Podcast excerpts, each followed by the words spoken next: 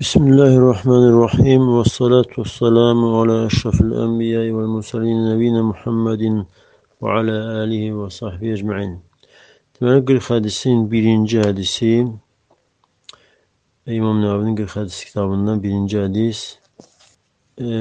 عن أمير المؤمنين أبي حفص عمر بن الخطاب رضي الله عنه قال Müminlerin emri Ebu Hafs عمر رضي الله عنه Ömer Hattab radıyallahu demişti ki Semi'tu Resulullah sallallahu aleyhi ve sellem yakul eşittim Peygamber sallallahu aleyhi ve sellem buyurur ki İnnemel a'malu bin niyet emeller yalnız niyetlerlendir. İnneme Arap hasır bildirir.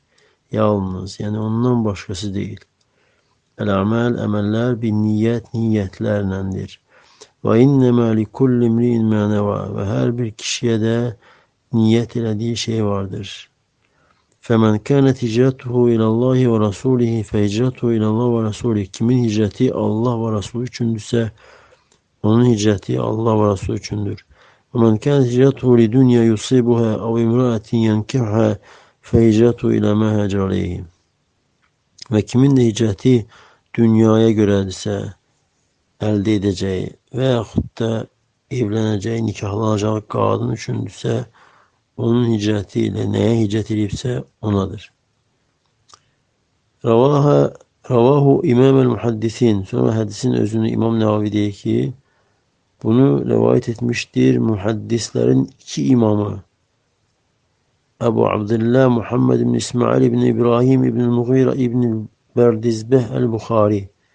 Bukhari'nin yani ata, ata babası babası ve yukarıki zikredir. Ve hemçinde Ebu Hüseyin Muslim bin Haccac bin Muslim el-Kuşeyri el-Neysaburi fi sahih. Ben Muslim. Bukhari'de Muslim.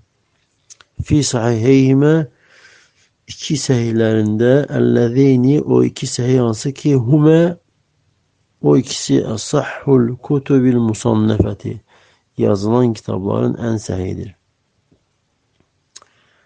Ve bu hadisi Bukhari ve Müslim rivayet etmiştir.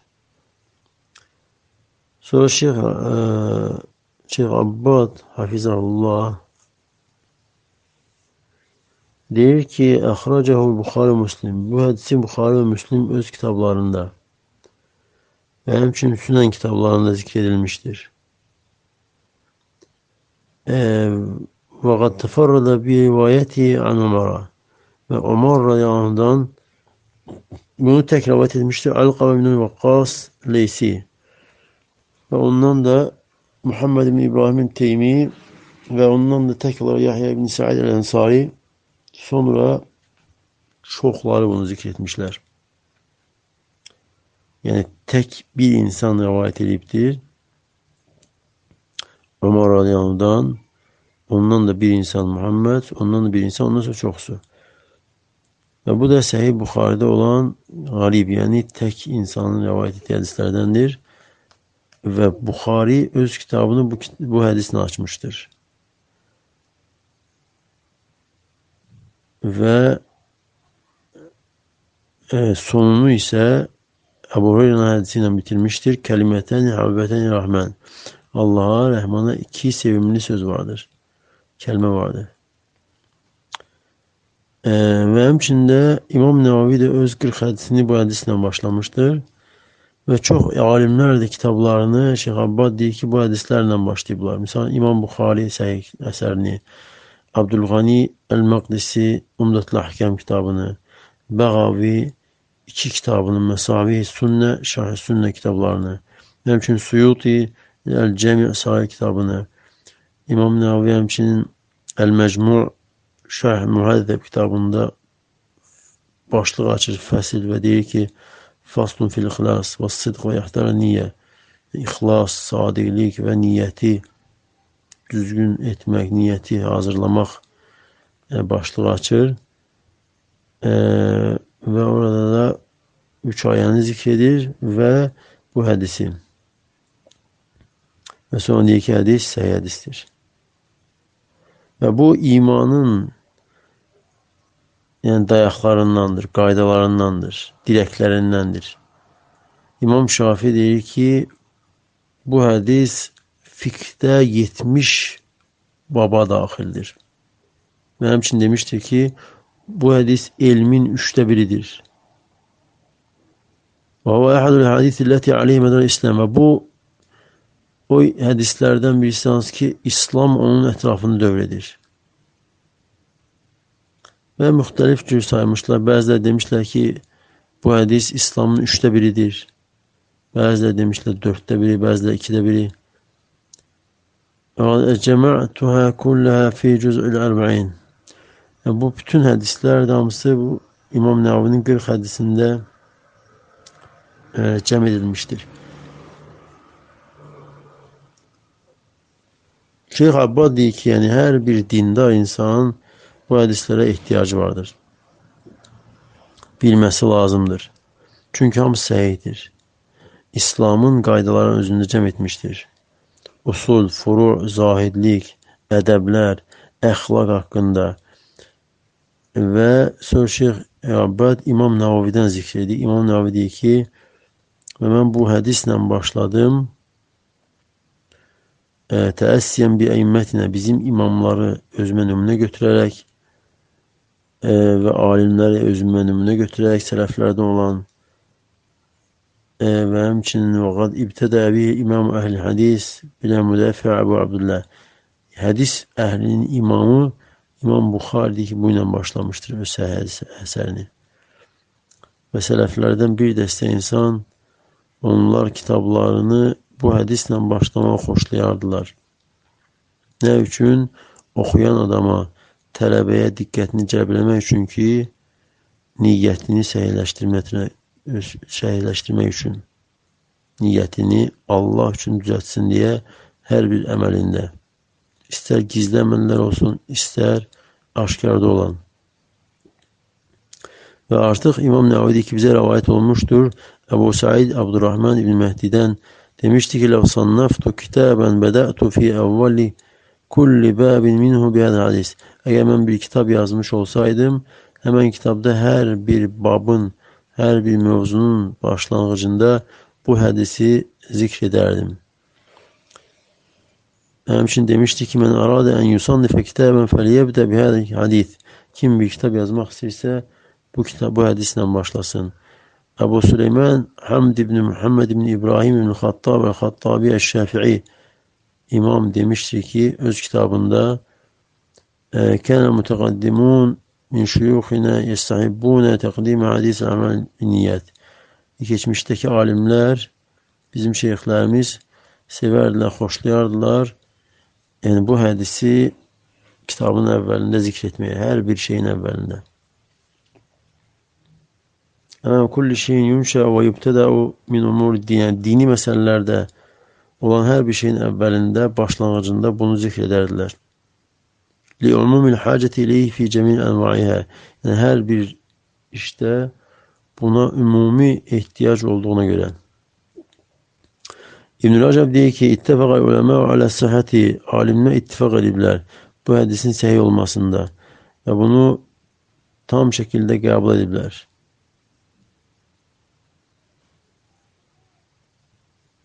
Sonra deyir ki, İmam Buxari öz kitabını bu ilə başlamışdır. Yəni, bunu deyən İbn Rəcəbdir. Və əqaməhə məqamı xutbə və İmam Buxari öz səhih əsərini bu hədislə başlayaraq sanki bu hədisi xütbənin yerində etmişdir. İşarə olaraq ki, ənnə kullə əməlin lə yurad bihi vəçullah fəhvə batıl. Yəni, Allahın üzü qəst olunmayan əməl, yəni Allah üçün olunmayan hər bir əməl batildir. Nə dünya, nə də axirətdə onun heç bir səmərəsi, faydası yoxdur. Sonra İbn Rəcəb deyir ki, Hədəl hadisu əhədul əhadisə ləti yəduru dinu aleyhə. Bu, o hədislərdən birisidir, hansı ki, din onun ətrafında fırlanır. Və İmam Şafidən də zikr olunmuşdur ki, deyir ki, bu hədis elmin üçdə biridir. Və ə, sonra deyir ki, e, İmam Əhməddən rəvayət edərək demişdi ki, İmam Əhməd İslamın əsasları üç əs hədis üzərindədir. İslam üç hədis üzərində qurulmuşdur. Birinci bu hədis niyyət hədisi, ikinci Ayşə radiyallahu yani bidətlər haqqında olan hədisi. Üçüncü də Nu'man Bəşirin halal da aşaşkardır, haram da aşaşkardır hədisi. Yani bu üç hadis, üçü de bu 40 hadis kitabının içinde var. sonra diyor ki İmam Mehmet demişti ki فَاِنَّ dine kullehu yerci'u ila fi'lil me'murat ve terkil mehzurat. Din hamısı neye gaydır? Emirleri yerine getirip qadağanlardan çekinmeye gaydır. Yani din hamısı bununla ibarətdir. Emirler yerine getirip qadağanlardan çekinmek ve şüpheli şeylerden de uzak olmak. وهذا كله tadammanehu hadisun ve men beşir ve inneme yetimmu zelike bi emreyn.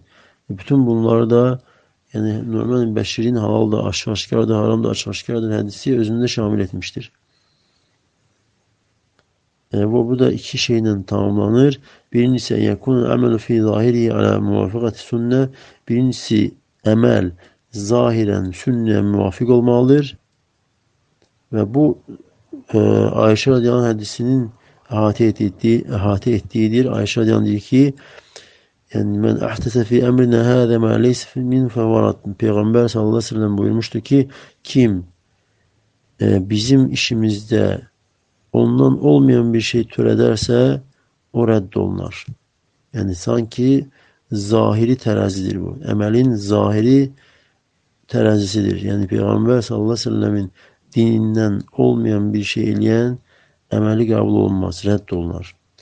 İkincisi de niyet etsidir. Yani insanın dahilinin terazisi ki emel Allah üçündür yoksa Allah'tan geyrisi üçün. Emelin kabul olmasını bilmek için niyet hadisi terazidir. Ki emeller niyetlere göredir.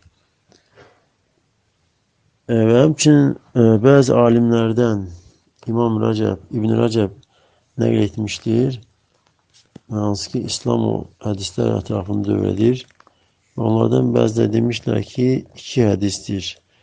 Bazıları demiştir dört hadis. Bazıları beş, bazıları üç. Ee, yani alimlerde muhtelif rəyə gelmişti ki, yani hadisler hansı hadislerdi ki din o hadisler etrafında sanki bu hadisler bütün dini özünde şamil etmiştir.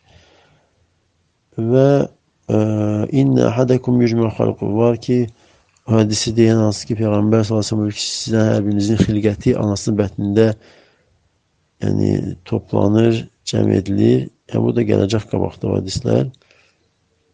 E, sonra o bir hadis hansı ki Peyğəmbər sallallahu buyurur ki insanın kişinin dininin gözəlliyindəndir.